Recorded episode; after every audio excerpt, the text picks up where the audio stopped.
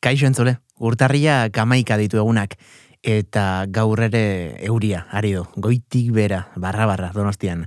Hala ere, guk xira jarri eta aterkia zabaldu, eta tipitapa tipitapa, mm, trueba zinemetara, joango gara. Bertan daudelako gure zai, ba, kresala zineklubeko lagunak, norbestela.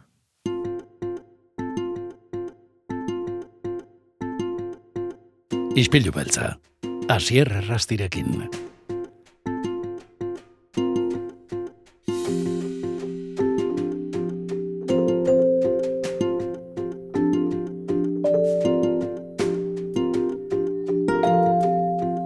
Jon Patxe, ongi etorri gure ispilura. Erik asko. Bueno, ez, atzo batek eh, bronka bota zidan, baina urte berri hon, zuri ere. Ah, vale, vale, bai, bai, urte berri on zuri ere, bai, bai. Ez dakit noiz arte, e, bueno, em, zori ondo daiteke urte berriagatik, baina bueno, nik bazpare e, Bai. edingo dut eta eta gero barkamen askatu behar bada, ba, eskatuko dugu. Hoxe, bet, beti da ondo urte, ur, berria eta onna danian, ba, beti ondo dago, edo zein momentutan esatea, nik uste. lanean behintzat e, oso intentsua izaten ari da, e, denontzako, imaginatzen dut, baina bereziki justu aurrekoan e, zuen ekide den Janet Diaz egin hitz egin nuen, eta galdetu nion, naizu, zemuz Janet, zer modu ze gabonetako porrak? Eta esan zidan, ba laneko porrak oso ondo, baina kresalakoak ez ditugu izan. ja, claro, claro.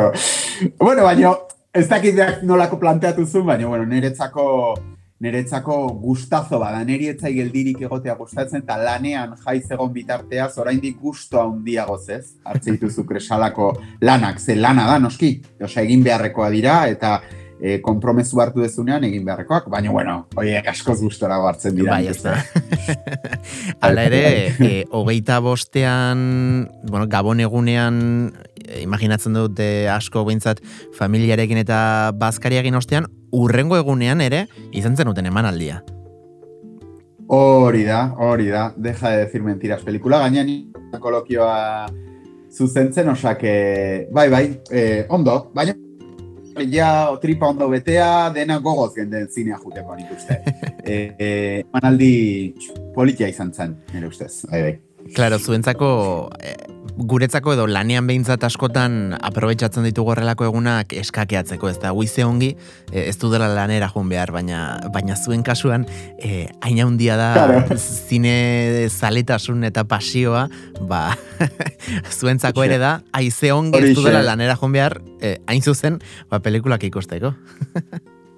Bai, bai, bai, oza, esate izut, hogeita bosta bazkari eukiko banu, e, zinema ondoko portalean, enlitzaiak inportako zazpiter ditan horreotea, hogeita bostean bertan, eh? Baina, bueno, urrutineko enez, urrutiago, ba, pereza emango, home, eskapatin bartzean ian bazkaritik ez da inatxegina. Baina bestela, pelikula bat, gustor asko ikusten da beti, eta, osake, bai, bai. Eta urrengo astean ere izango dugu e, film bat, film gogorra mm, irakurri dudanez, eta Bai. zuk aurkeztuko duzuna. Jon, konta iguzu urrengo aste artean, trueba zinemetara zerrekarriko duzuen. Ba, bueno, e, pelikula kolombiar bat ekarriko dugu, zuzendariaren hirugarren pelikula, bi labur metrai e, egin ostean, hau da bere lehenengo luzea, e, La Jauria e, izenburuarekin, ba, historia bat kontatzen du, batez ere protagonista, bueno, batez ere ez, protagonista e, mu, e, ba, mutil gazte bat da, Mhm. Baina, e, bueno, badu beste lagun edo taldekide bat ere, eta bueno, e, kontatuko etola gainetik zer dan gertatzen dena. Kontua da, e, hilketa bat gauzatzen dute lauek, baina konfunditu egiten dira hiltzen duten personarekin. Vale. Hau dena, elip, osea, hau zaila da harrapatzea, eh? hau, osea, kostatzeu enteratze hau gertatzen ari dana egia, esan nire ustez, eh? baina, bueno, E, eta bueno, eta hauek e, orduan harrapatu egiten dituzte eta internatzen dituzte e, kartzela batean esperimentala gazteentzakoa e, oianaren erdian dagoena. Ostras. Eta, bai, eta, bueno, hor e, terapia egiten dute, e, rehabilitatzeko edo da, zerbait esperimentala, berrikuntza, eta bar. Eta, e, ba, bera dago nolabait, e, ikusten da pelikulan zehar, ba, e, ba, egiten ditula, esaten dioten egiten dula momentu guztian, ze aldaketa bat nahi du. Baina, hor dagoela, iristen da e, berek, berekin konplize izan zena hilketa horretan, eta bueno, honek ez du e, pentsamendu berdina. Eta orduan, ba, hor, hor hasten da konfliktoa. Eta horri buruz, dijo apixka bat pelikula. Bale, beraz, gure protagonistak eh, norbait hiltzen du, eh, Kolombiako poliziak harrapatu egiten du, eta eta oianaren erdira eh, bidaltzen dute, bertan dagoen kartzela batera. Hori da, hori da. E, es, Ka- es, Kartze Mhm. berritzaile batera, bai hori da. Bale, bale, Bai. eske esan duzunean, e, kartzel esperimentala, etorri zait burura, agian beraiekin ere esperimentuak, edo nola baiteko... Ah, vale, bai, vale, vale. Bai, ez, ez, ez, esperimentuak egiten dituzte, baino, bueno, rehabilitazio esperimentuak. Bale, bale, osea, dut. Ez, ez, positiboak ustez. positiboak, hori da. Vale. Ustez hori oso importantea, nik uste, bai. Ze horri, horre, o- osea, pelikularen muñetako bat hori da. Da, gero benetan eh, positiboa dira, edo zerbait rehabilitatzen ari dira, ariketa hauen bitartez, nik uste hori bai dala gai garrantzitsua pelikulan.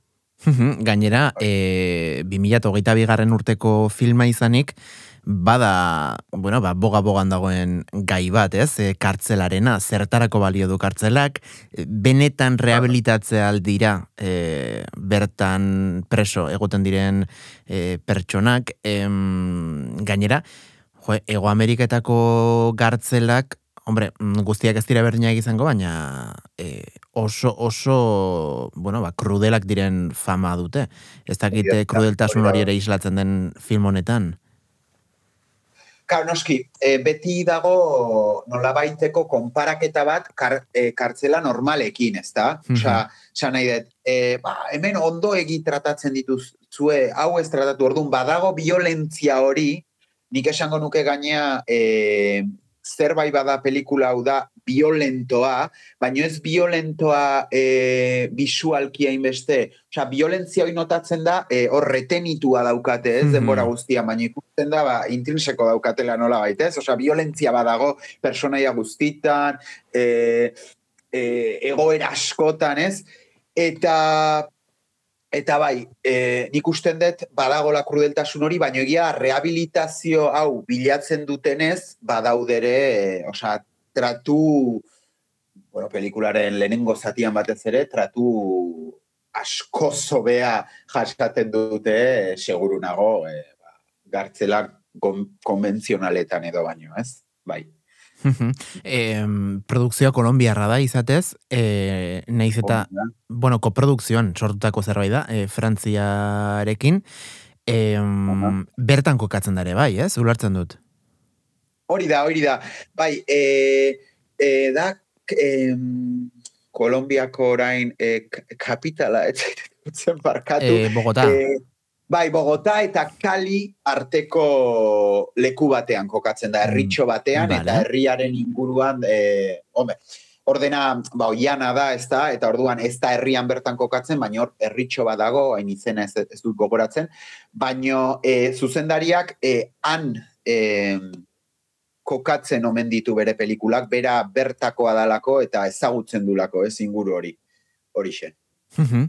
Eta e, kasu honetan, aipatu duzu protagonista badabilela nola baitez, aurrerako bide horretan e, iragana atzean utzi nahian eta bapatean bere mm, krimen kidea, ez? Azaltzen da, gartzela horretan eta horrek Hori. katramilatu egiten du pixka bat bere prozesua. Bai, hori da, osea, egia da, e, hori nahiko hasieran gertatzen dela ja, eh, bere lagun hori edo e, Mhm. iristen dela.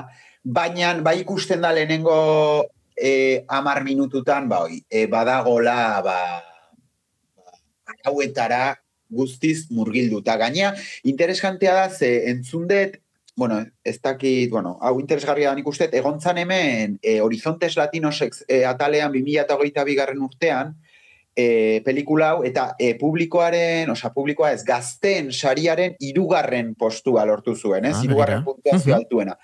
Eta horren arira edo, hemen egotearen arira, elkarrizketa bat egin zioten, zuzendariari, eta e, honi buruz ez pixka galdetu zioten. Nola, violentziatik atera daiteke, ez?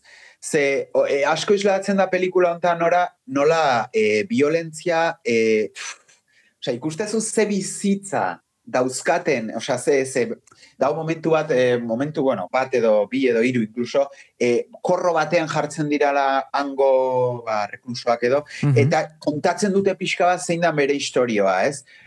Eta protagonista etorri zenean e, onera, e, donostira esan zuen, zetorri zian zuzendaria eta protagonista, esaten zuen nola e, noski atera daitekela, baina e, bidea ez dala erreza, ez? Eta, claro, ba, hemen hoxe da gertatzen dana, ez? E, violentziatik atera nahi du honek, bizitza, ba, bizitza gogor horretatik, bueno, gogorra igual segiko du izaten bere bizitza, baina atera nahi du violentzia horretatik, Eta, e, karo, beste honek, bueno, beste hau, earki bizia, bizidan, e, situ, oza, ez du, ez du sikiera pentsatu badagola beste modu bat, ez? Eta orduan, ba, gogortasun hori, e, bai, ba, ba, na, nabarmena da, bai. Baina, bueno, azkenean segitzen du bere horretan pelikula guztian, eh? Saiatu da era horretan. Eta um, askotan aipatzen dugu, ez? Badirela film batzuk, e, historio narratiboa oso garrantzitsua dena, e, eta beste batzuk ez, beste batzuetan, bueno, spoilerrak egin zenitzake hori ez delako garrantzitsuena, gertatzen dena. E, ematen du, honek ere baduela asko psikologikotik ez, eta ezagian hain beste, bueno, ba, ikintzen aldetik eta zer gertatzen den historioan zer baizik, eta nola bizi duen protagonistak berak realitate krudel guzti hau? E, osea, dudari gabe, osea, iritsi apuntonta, osea, momentu erra, ze, e, nik uste e, aurreko pelikuletan etorri nahitzena zurekin hitz egitera, ez askotan esan dizut, jo, ez zaizki bat ere sinopsia gustatzen, mm beti kontatzen dute dena, tal, bai. eta, e, kasu hontan ez importa. Osa, aldizu kontatu pelikula guztia. Hombe, estenak aste banaiz kontatzen, bueno, ja izorratu izut pixkat, ez da? Baina, e, e, nik uste ikusleak pentsatzearaz, ikusleak pentsatzearazten ditu, ez, pilo bat. E, pelikulak. Oso interesgarria da, ze e, pelikula hau da, e, bueno, elkarrizketak eta egin dizkiotenak e, zuzendariari egonaiz begiratzen YouTubeen eta horrelakotan, eta nola beak esaten duen, e, hau dala, nolabait, ia aitzakia bat, osea, e, estenatokia zein den da aitzakia bat, ba, kasu honetan kartzela batean gertatzen da, baina berak hitz egin nahi du violentziaz eta, eta baita ere, ze hau importantea da pelikulan, e, e, protagonistek aitaren figurarekin daukaten e, nola harreman, harreman txarror, txar, txarrarekin, hori oso oikoa omen da, ez? Ah, Eta orduan, e, aitzakia bat da, hau, lekua, lekua jartzea da, aitzakia bat, aurreko pelikula e, laur metraetan ere gai hori azaltzen da, baina, e, bueno, beste ez, ez zin izan ditut ikusi ez daude eskuragarri, baina, bueno, beste gai batzu jorratuz. Eta interesantea da, nola ere bai, saiatzen da, violentziari buruz hitzeiten, baina, e, kanpo, hau, e, ba, ger, Kolombia saltzen da violentzian gerrilen bitartez, e, kartelen bitartez, bai. eta hortatik kanpo, ez, isladatu nahi du beak, ze e, nolabait e, interesantia da esateuna, ez talde bezala baizik eta zer dauka individua bakoitzak, ez, esateko e, violent, oza, nola sentitzen du individualki persona bakoitza violentzia, ez? Eta ordu, hitz egin dezakegu, nik uste, pelikula guztiari buruz, eta ez geniok inorri zorratuko e, ba, ikustera juten da momentu hori. bai.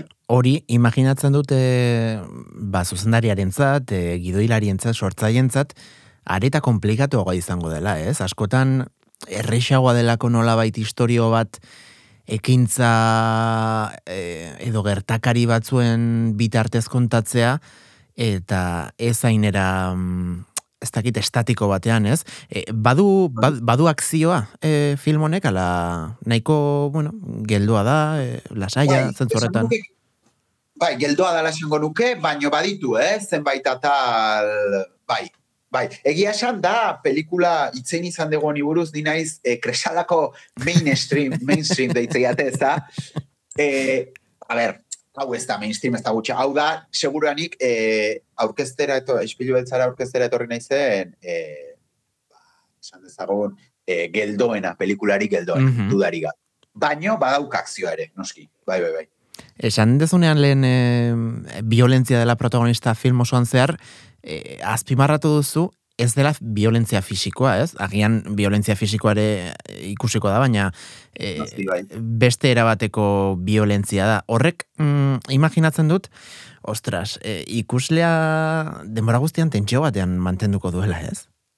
dudari gabe, tentsioa da, e, uf, e, ze gertatuko te dan, ze gainera badago e, aldi berean ebai historio bat pixkat e, kondaira bat bezala, ez da, e, ni mucho menos fantastikoa, eh? baina kondaira bat kontatzen da momentu batean, musika beti dago, e, e, ba, soinuak ez, pet, e, petardeoak edo egiten, Mhm. e, olako perkusioak eta entzuten dira nota luzeak, e, musika elektroniko antzeko bat, ez? Eta beti arpegia jarraituz, e, daude momentu batzuk igual bost minutu jarraian itzegin gabe, Orduan, bai, nik uste hori gertatzen dela, bai. Ostras, beraz, esan duzun moduan komertzial, komertzial ez dirudi filma hau, eh? Ez da, komertzialko, ez, ez, ez da gutxiago ere, baina oso oso gomendagarria, eh? Eta ez dakit antenan esan zenuen, edo off the record esaten den moduan, Bai. baina niri mm, pasaden urtean abenduan kontatu zen idan zerbait oso berezia film honekiko, ez da? Hitz egin duzula, bueno, kontatu zuk, da. Jon. Nor- bai, norekin jarri zara harremanetan. Bai, bai, bai, hoi da, hoi da, hoi da. Zuzendariari, bueno, esa, nei kontua da, e, askotan esaten dela ez, e, lan, lan bat igual kostatzen zaizula egitea edo, gero jarri egiten zea eta jartze horretan motibatzen jutezea, egite Mhm. utxarekin, ez? Bai. Eta ordu nerioi pasatzen izait pixka bat, ez? Urte bete naiz, aurkeztu gabe zer, gero hasi nitzan bila betero, tal, eta orain ematen du, ba, i, i, bila bete jarraian, ez? Ila, e, bi saioz jarraian egingo ditutela. Eta neri, nola, zine mundutik hain kanpo egon naizen orain arte, eta hainbeste interesatzen zaiten, eta hainbeste jakin nahi deten horri buruz, jo, ba, iruditzen zait kriston aukera, eta ordu nik iteten detena da, ba, sartuko naiz. Instagram dauka, bale, idatzingo jo, probatingo jot. Eta idatzi nion, eta... Ez ez nori esan oraindik, eh? Eh? Ez ez esan nori idatzi zenion oraindik, eh? Ah, barkatu, barkatu, zuzendariari hori da. Barkatu, idatzi nion Andresi, jo, bar, ja zuzenian jo nahi zorta, bale, bale. Bai, Andres Ramirez Pulido da zuzendaria, berari idatzi nion, Jo, ze ona. eta e, galde, bai, eta esan zian, galderak zungo ziala eh, perfectamente. Galdera justo atzo bidali nizkion, orduan, bueno, imaginatzen dut gaur bertan edo erantzungo dizkiala, eh, bueno, eh, ikusi dut pelikula, ikusi ditut egin dizkioten elkarrizketak, eta bueno, eh, ba bai, eh, galderak saiatu nahi zalik eta originalenak edo egiten, eta daukagan informazioa, ba, aste artean, kolokioan saiatuko naiz, ba, ba adierazten edo, bai. Ostras, eh, Jon ez dakit zu bazara musika eskola baten zuzendari, eh, musika irakasle, baina kazetari eta honetako bat diru dizu gainera, eh? Ari zara hor, eh, Joder, bai. protagonistekin, eh, Gustatu izan zai beti, bai, bai. Hori da. eh, gustatu zaite, ipatu duzuna nola, eh, askotan, bueno, guk mm, pixka zinema mundutik kanpo gaudenok eta film bat ikusten dugu eta, bueno, bale, guai. Eh, baina niri ere lanarekin gertatzen zaite, zizpilu beltzarekin nola, e, ba, gai hori landu beharra duzula ikustean, ba, probetxatzen duzun, iaia, itzaki moduan, ba, filme bat, edo antzerki obra bat, edo dena delakoa ikusteko, eta ondoren horratzen eskutuan dagoen mami guztia, ez? E, bueno, deskubritzen joteko, eta sumatzen dut, zu bazarela pixka bat horrela kuriosoa, ez da? E, mm, pelikula bate zortzi aldiz ikustea baino, nahiago duzula horra atzean, eta esaten den moduan, banbalinen artean, ez? E, aurkitzen den guzti hori deskubritzea. Ba, eske pasat. Osa, iruditzen zait, eh, esperientzia zinematografikoak hobetzen dula, osea, pasada bada, gaina pelikula hauetan batez ere, ez da hola hain garbi, hain garbi, zer dan gertatzen ari dana guztiz. Eta orduan, e, ba, jo, eh, aukera aukitzea zuzendariarekin hitz egitea, edo bere elkarrizketak, inkluso hitz egin gabe beharekin zuzenean, ikustea da, bueno, bueno, mamitzea, eta nola bai, ba, bueno, bai, oida, ikastea ere zinemari buruz, ez da, pelikulari buruz, baina batez ere zinemari buruz. Orduan, oida, ne interesatzen zaitena. E, beraz, urrengo aste artean, e, urtarriaren amaseian, mm, saio, benetan berezia e, izango da, zuzendariaren beraren hitzak ere karriko dituzulako, e, trueba zinemetara, e, arratxaldeko zazpitar dietan izango da, ez da, betiko lez? Hori da, hori da, betiko muguan. Ba, Bai, bai. mm, agurtu aurretik ezakit nori gomendatuko zenioken, urrengo aste artean trebara gerturatzea. Ze, esan dituzun gauza askorekin, uf, agian baten batek pentsatuko du. Ufa, bai igual, ez da niretzako moduko pelikula hau. Bai, babi da. Nik uste, e, bueno, enuke esango umentzako danik, e, baina, bueno, umeak ez diren ororentzat esango nuke dala pelikula hau, eta igual, bereziki gazte egingo nieke deialdi bat, ze ikusteko ze beste realidade bizitzen diran, ze Kolombiako realidadea gazte batena amalau emezortzi urte bitartekoa edo em, ba, da zeharo desberdina. Eta ikusteko nola e, ba, ba, ze violentziak e, jasaten dituzten, eta nik ustet gaztei zuzenduko niokela batez ere e, pelikula. Eta gainera jakinik o, 2008ko festivalean Horizontes Latinos TCM e, gazteriaren sarian, irugarren puntuazio altuen eman ziotela, beraz ja badakigu gustatu zitzaiela, hane egon ziren egun da berroita mar e, ba, jurado ahi edo, eta nik ustez ba, hori esango nukela, bai. Ba, orduan, bira, gainera, e, eguraldi oso txarra iragarri, iragarrita dago urrengo asterako, beraz, ez dago aitzakiari gazte artean, eh? Ez, hori da, hori da. Eh, Izugarria izango da, bai, bai. Grosera, John Patxe izango duzu bertan filma aurkezten eta eta ziurra esperientzia zoragarri izango dela. Jon, eh, eskerrek asko benetan beste behin gurean izateagatik eh, desiatzen nago. Eh, kontatzeko eh, bueno, ko, mm, zer erantzuten dizuen zuzendariak, baina hori mm, aste artean jakingo dugu.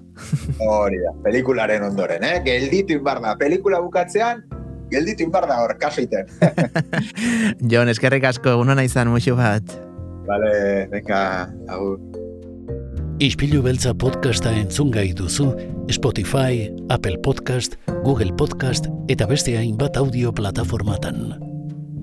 Eta jarraian zinemaz aritu ondoren, bueno, ba, trueba zinematik ateratzeko berriro ere xira eta aterkia zabalduko dugu, eta, bueno, ba, truebatik oso gertu dagoen liburutegi batera joango gara, liburutegi nagusira bertan dagoelako gure zain, Miguel Arina liburuzaina.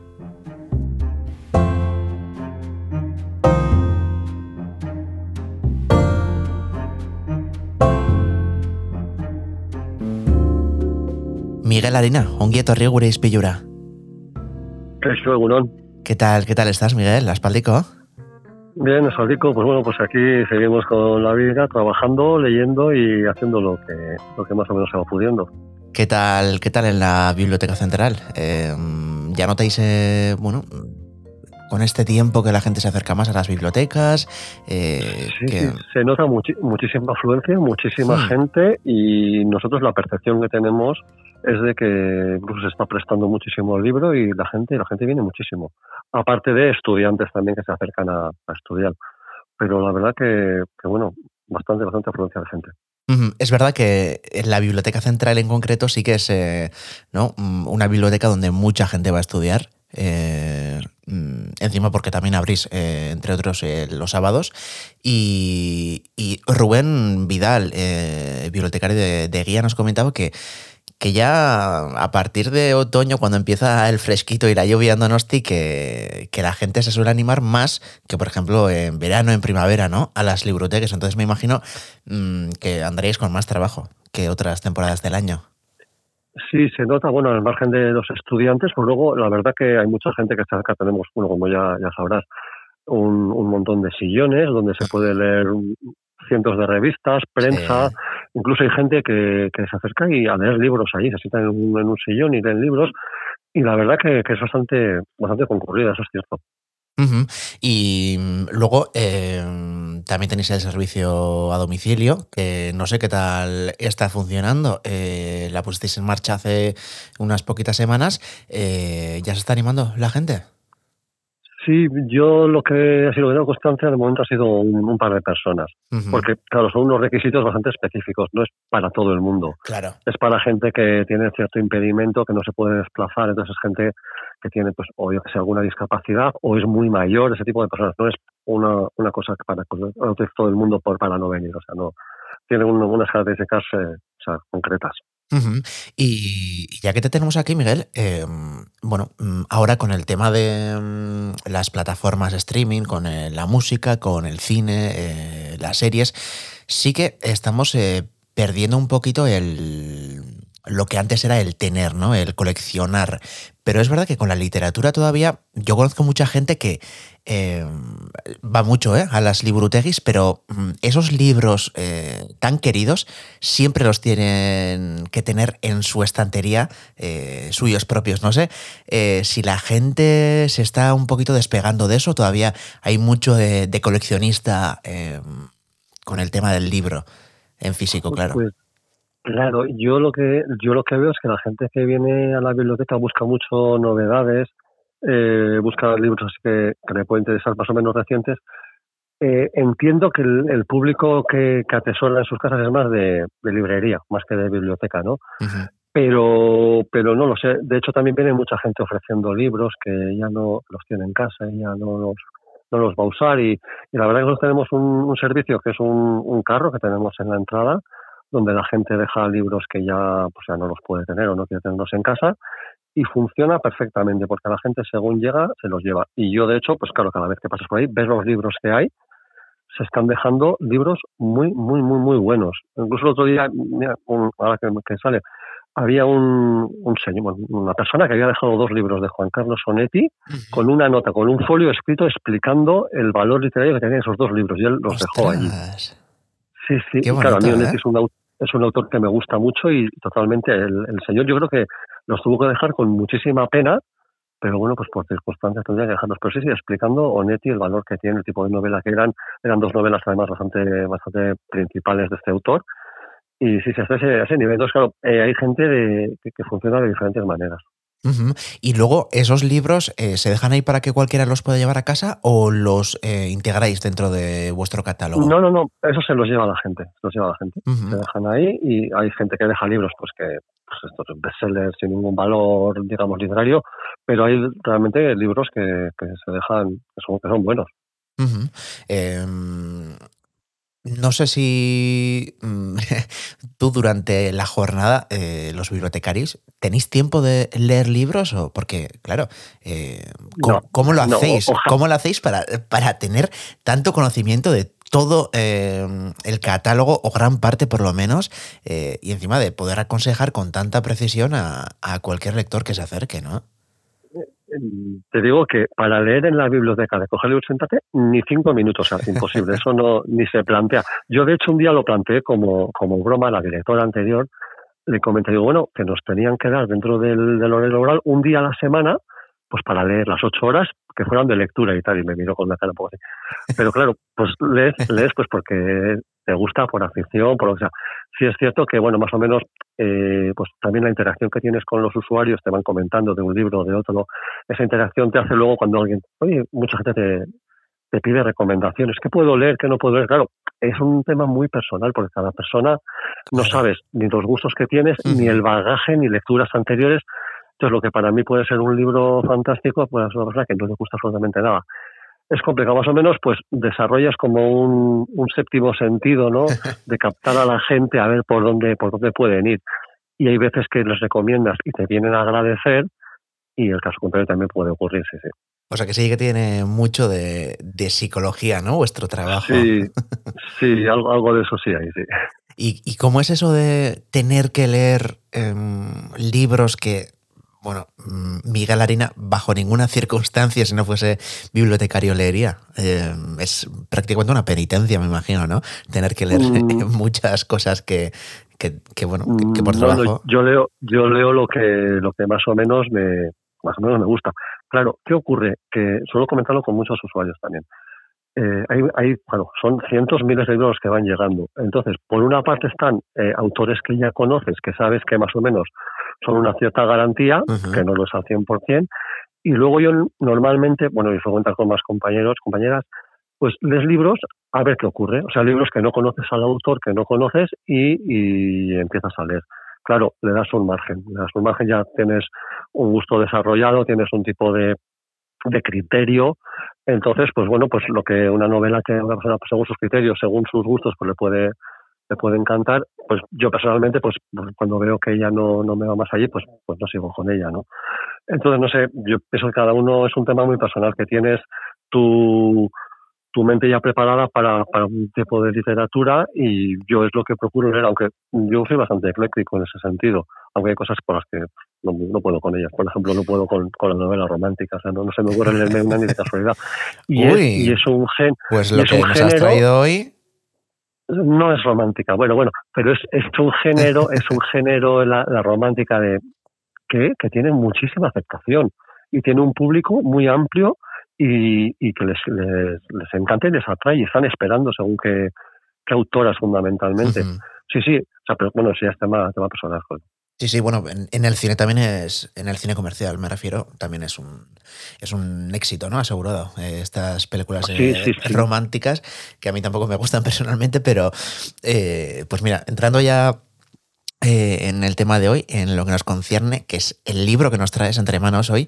Eh, yo no me he leído el libro, pero sí que he leído sobre él en internet y. Mmm, algo de romántico. Bueno, algo romántico no, pero de amor sí que habla por lo menos, ¿no, Miguel? Eh, sí, de amor, pero es una novela donde se plantean eh, realidades que ocurren a, gente de, digamos ya con, con, cierta edad y se plantea su vida en su vida en, en, en general, ¿no? Eh, el título, los días perfectos. ¿Qué ocurre? Que tenemos una vida normalmente donde todos los días son más o menos parecidos, son más o menos iguales, Ajá. sabemos lo que suele ocurrir, pero coincide que si echamos la vista atrás tenemos en nuestra mente pues aquellos días perfectos, aquel, aquel día en que ocurrió algo que no tiene que ser necesariamente eh, un viaje a, a, un sitio excepcional. Si en, dentro de, de, de, la cotidianidad, de la rutina de cada día, pues hay días e incluso momentos, ratos, unas horas que, que tienen una perfección que, que, cuajan y no sabes por qué. Dentro todo de lo que es eh, la rutina y el, la vida, pues que se puede entender como más o menos gris o igual todos los días. Y sobre esta premisa, digamos, Jacobo Vergarece pues monta, monta su novela. Uh -huh. eh, Los días perfectos de Jacobo Vergareche, eh, un escritor londinense, pero que escribe en español, en castellano. Uh. En la portada, mm, así a priori, aparece un hombre y una mujer abrazados eh, y, y, sus caras son como, bueno, piezas de Lego, ¿no? Eh, que que sí. encaja una con la otra. Eh, ¿De dónde parte el protagonista, Luis, el periodista vale. que, que, más o menos, ¿no? como Luis. tú nos has contado, llega ya un momento de su vida donde empieza a cuestionarse, ¿no? Todo esto que sí. a todos en algún momento nos llega, ¿no? El tema de la existencia, de por qué estamos aquí, que... Mm, es, es bueno. Es un, es un periodista de Santander, Luis, uh -huh. que entonces eh, se sabe que el año anterior tuvo que ir por tema de un congreso a Austin, Texas, Estados Unidos, y allí pues coincidió con una con una científica mexicana y tuvieron pues pues un, una aventura digamos de cuatro días cuando estuvieron allí y él lo toma como esos días perfectos donde todo cuajó, donde todo era perfecto, pero dentro de la conciencia de que era un punto que se iba a terminar porque él se volvía a Santander con su mujer, sus hijos y ella volvía a, a su vida también, a su, a su matrimonio en México. Entonces, ese, ese análisis es el que da paso a permitir, a, permitir pensar eh, cómo funciona la vida, la rutina, los días perfectos, los momentos que surgen en cualquier momento. Y claro, esa perfección de esos pocos días eh, es lo que te hace pensar sobre el resto de días. ¿Qué ocurre con el resto de días? Entonces, eh, la novela cuando ya está desarrollada, Luis vuelve a ir, vuelve a ir otros tres días al año siguiente eh, porque le vuelve a mandar el periódico al, mismo congreso, espera, espera contactar con ella, pero ya no lo sabe, ya no sabe si va a ser tan perfecto, si va a ser, si va a ser igual, y tiene la conciencia de que si es, va a ser la última vez, porque ya el periódico no le va a mandar más veces, ¿no? Entonces, es una reflexión sobre esa sobre esos días que, que de repente pues se enciende algo. Y mm, no sé a qué tipo de bueno de lector le recomendarías esto. Eh, a un lector ya experimentado. A lo mejor también mm, hay que tener cierta edad para poder un poquito, eh, bueno, entender mejor a, ese protagonista que se encuentra en un momento vital de su vida. Yo diría, yo diría que sí, que, que, por ejemplo una persona de 25 años o 20 o no no puede entender la novela por supuesto que entiende lo que está pasando pero que no acabas de, de asumir o de, o de más que entender de comprender de, asimilar dentro de ti los sentimientos que pueden desarrollar. Claro el este Luis, cuando está allí, eh, va a investigar porque en, Austin, Texas, que me parece una cosa muy interesante que yo no sabía, hay un centro, montaron ahí en, el desierto, donde recogen eh, documentos, documentos, cartas, escritos, eh, manuscritos de, miles y miles y miles de escritores de todo el mundo. Entonces, aprovechando, la, aprovechando la coyuntura, este Luis va, va a investigar y descubre unas cartas de, de Faulkner, a un amante que tuvo también durante un tiempo, unas cartas con unos dibujos y tal. Y entonces eh, se crea un paralelismo entre la, relación y el pensamiento de Luis con estas cartas que Fogones le mandaba a, a su amante Meta Carpenter, que que bueno, que hace que veamos eh, la percepción de, de, unos días también del, propio Follner, donde no había nada excepcional. Entonces, es la reflexión de, de Luis de cómo, cómo se pueden tomar unos días fantásticos sin que pase nada, digamos, fuera de lo común, ¿no? Cómo es, es este momento en que de repente cuaja algo, cuaja algo y dices, hostia, es la perfección, ¿no? O sea que lo de Austin sí que es eh, real. Sí, sí, el, centro este sí. De hecho, el autor, eso, el autor Jacobo Vergareche estuvo cuatro años como profesor en, en Austin y ah. conoce, conoce el, sitio, conoce la zona. Entonces, claro, la novela es, eh, claro, el autor ha montado la novela entre, entre Santander y entre España y, allí porque él conoce la zona y sabe, sabe lo que está hablando cuando luego habla de pues eh, que pues está en Austin y, y, van a un bar de country, habla del country, habla de, de la realidad de, esa ciudad, conoce, conoce de lo que habla. O sea que la atmósfera también, ¿no? Que, transmite el libro eh, es muy americana y, no sé qué sensaciones te, te deja este, este libro en el cuerpo eh, mientras que lo leas y, después a lo mejor que es diferente una vez acabado. Sí, sí, a mí, a mí me atrapó. La lectura es, la lectura es un poco, no voy a decir obsesiva, pero sí que quiero seguir leyendo a ver qué pasa, a ver qué pasa, porque porque el personaje es muy atractivo, es un personaje que cada vez es muy simple, pero a la vez es muy profundo pensando. Y yo creo que tiene una cosa muy importante que es muy crudo, o sea, no, no es autocensura, él lo que piensa, lo piensa, se plantea su vida, su vida, digamos, real, cotidiana, sin ningún, sin ninguna cortapista. Las cosas él las dice como, como las ve. No, no, no se miente a sí mismo de decir, bueno, podría. No, no, no, él es, es, es tajante y por eso se crean todas las reflexiones que hace él a la vez que entremezcla pues el pensamiento que podía tener mezcla Foller aprovechando un poco el tirón literario no pero luego la realidad de, de, Austin con su vida real claro también tiene la, la, la facilidad de que alguien cuando está sacado fuera de su entorno eh, con la distancia, mm. sea física o sea emocional, te permite pensar con más frialdad, porque dentro de un entorno, él también lo plantea, ¿no? Dentro de tu entorno habitual, dentro de, tu rutina, de hecho ni piensas. O sea, muchas veces eh, funcionas con el piloto automático y te, y te dejas llevar, ¿no?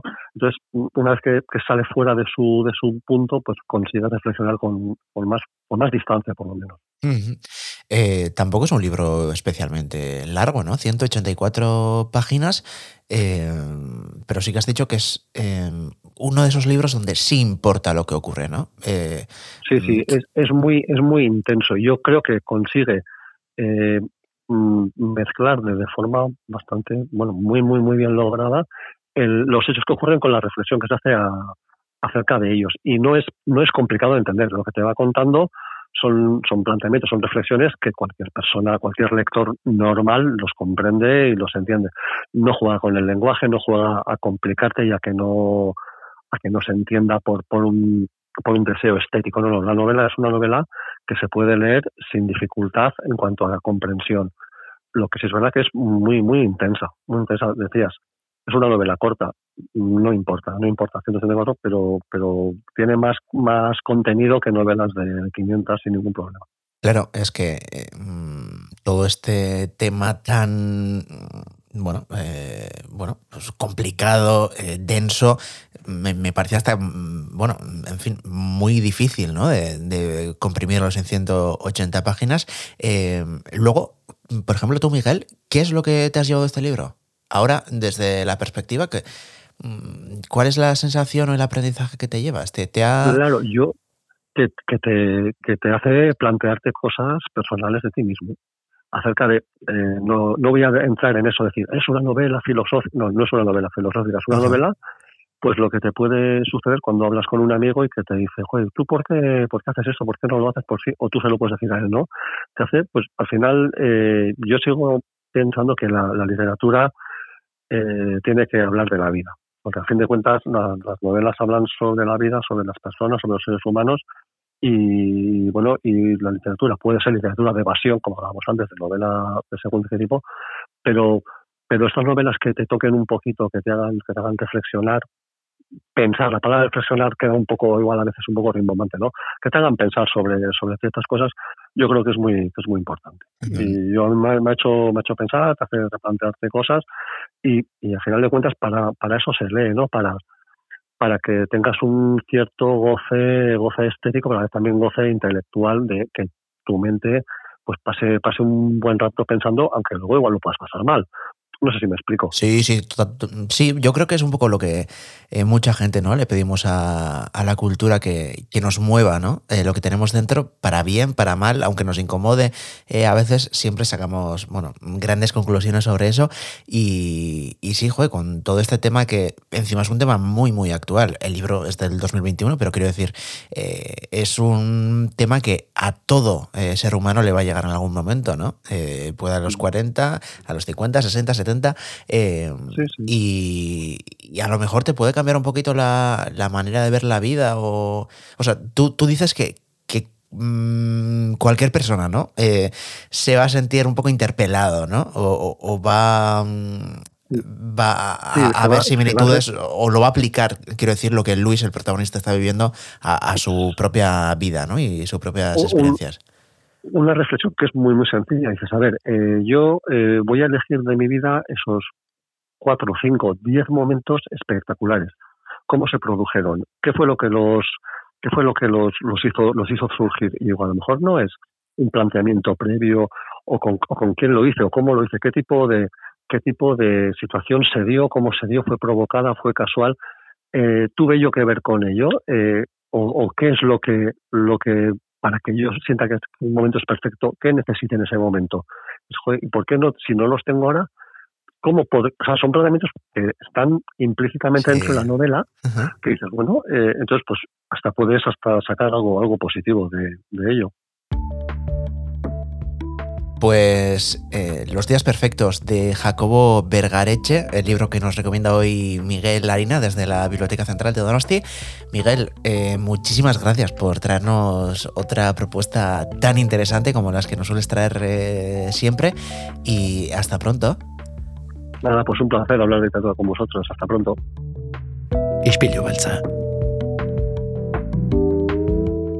Ba, tirantzule, eskerrik asko gaurkoan ere gurekin bate egiteagatik, hause izan da, gaurko izpilu beltza, eta bihar ostirala, asteburuari, bueno, basi ere emate aldera ere mentxe izango gara. Goizeko seiretan, zure podcast plataforma kutxunenean, edo bestela Donostia Kultura Irratian, goizeko zortziretatik aurrera, eunda zazpi puntulau FM-an Donostia, eta Donostia inguruetako herrietan. Bien bitartean, ba, badakizue, txintxe bili, eta bihar arte. Agur!